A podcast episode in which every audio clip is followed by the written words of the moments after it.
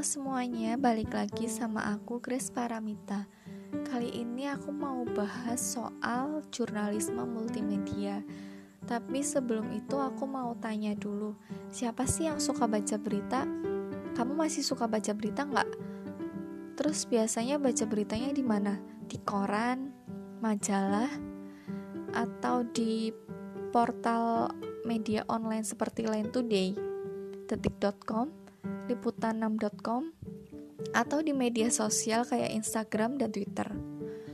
Bosan gak sih kalau misalnya baca berita itu isinya cuma tulisan yang panjang banget? Dan ada gambarnya sih, tapi cuma satu atau dua. Pusing gak kalau misalnya harus baca tulisan yang panjang-panjang dan banyak? Tapi tunggu dulu, jangan khawatir karena jurnalisme sudah semakin berkembang loh sekarang ini di tahun 2021 ada yang namanya jurnalisme multimedia. Lah, apa tuh? Bedanya sama jurnalisme online apa? Sebelumnya kalian udah pernah dengar belum jurnalisme multimedia? Kalau belum, sekarang kita lihat dulu ya. Bedanya jurnalisme online sama jurnalisme multimedia.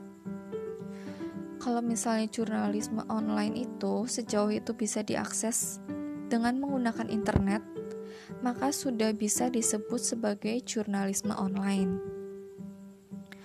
Sedangkan jurnalisme multimedia itu suatu berita atau informasi yang ada teks, audio, video, foto, dan animasi.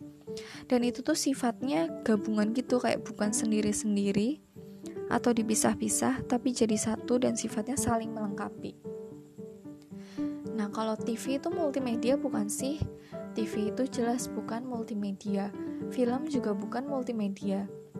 Jadi ini intinya, jurnalisme multimedia berarti menyajikan berita dalam bentuk paket melalui sebuah website dengan menggunakan dua format media atau lebih. Nah, format media atau elemen medianya itu ada tulisan atau teks, audio, video, gambar diam, atau gambar bergerak kayak GIF, animasi grafis, hipertekstual, dan elemen interaktif lainnya. Pokoknya interaktivitas dari pembaca itu penting banget di jurnalisme multimedia ini. Jadi pembaca nggak hanya scroll-scroll doang sambil baca, tapi juga bisa ini nih, klik-klik bermacam-macam pilihan yang disediakan dalam berita multimedia. Gimana? Menarik banget kan?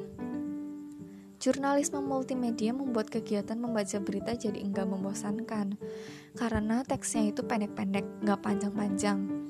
Terus ada gambarnya, ada videonya, ada animasi yang super menarik, terus juga warna di background beritanya itu kayak warna-warna yang mencolok gitu loh, jadi menarik banget waktu dilihat. Nah, karena alasan-alasan itu tadi membaca berita itu jadi menyenangkan deh. Jadi gitu teman-teman, sedikit penjelasan dari aku tentang jurnalisme multimedia. Oke, sekian informasi dari aku untuk hari ini. Terima kasih dan sampai jumpa.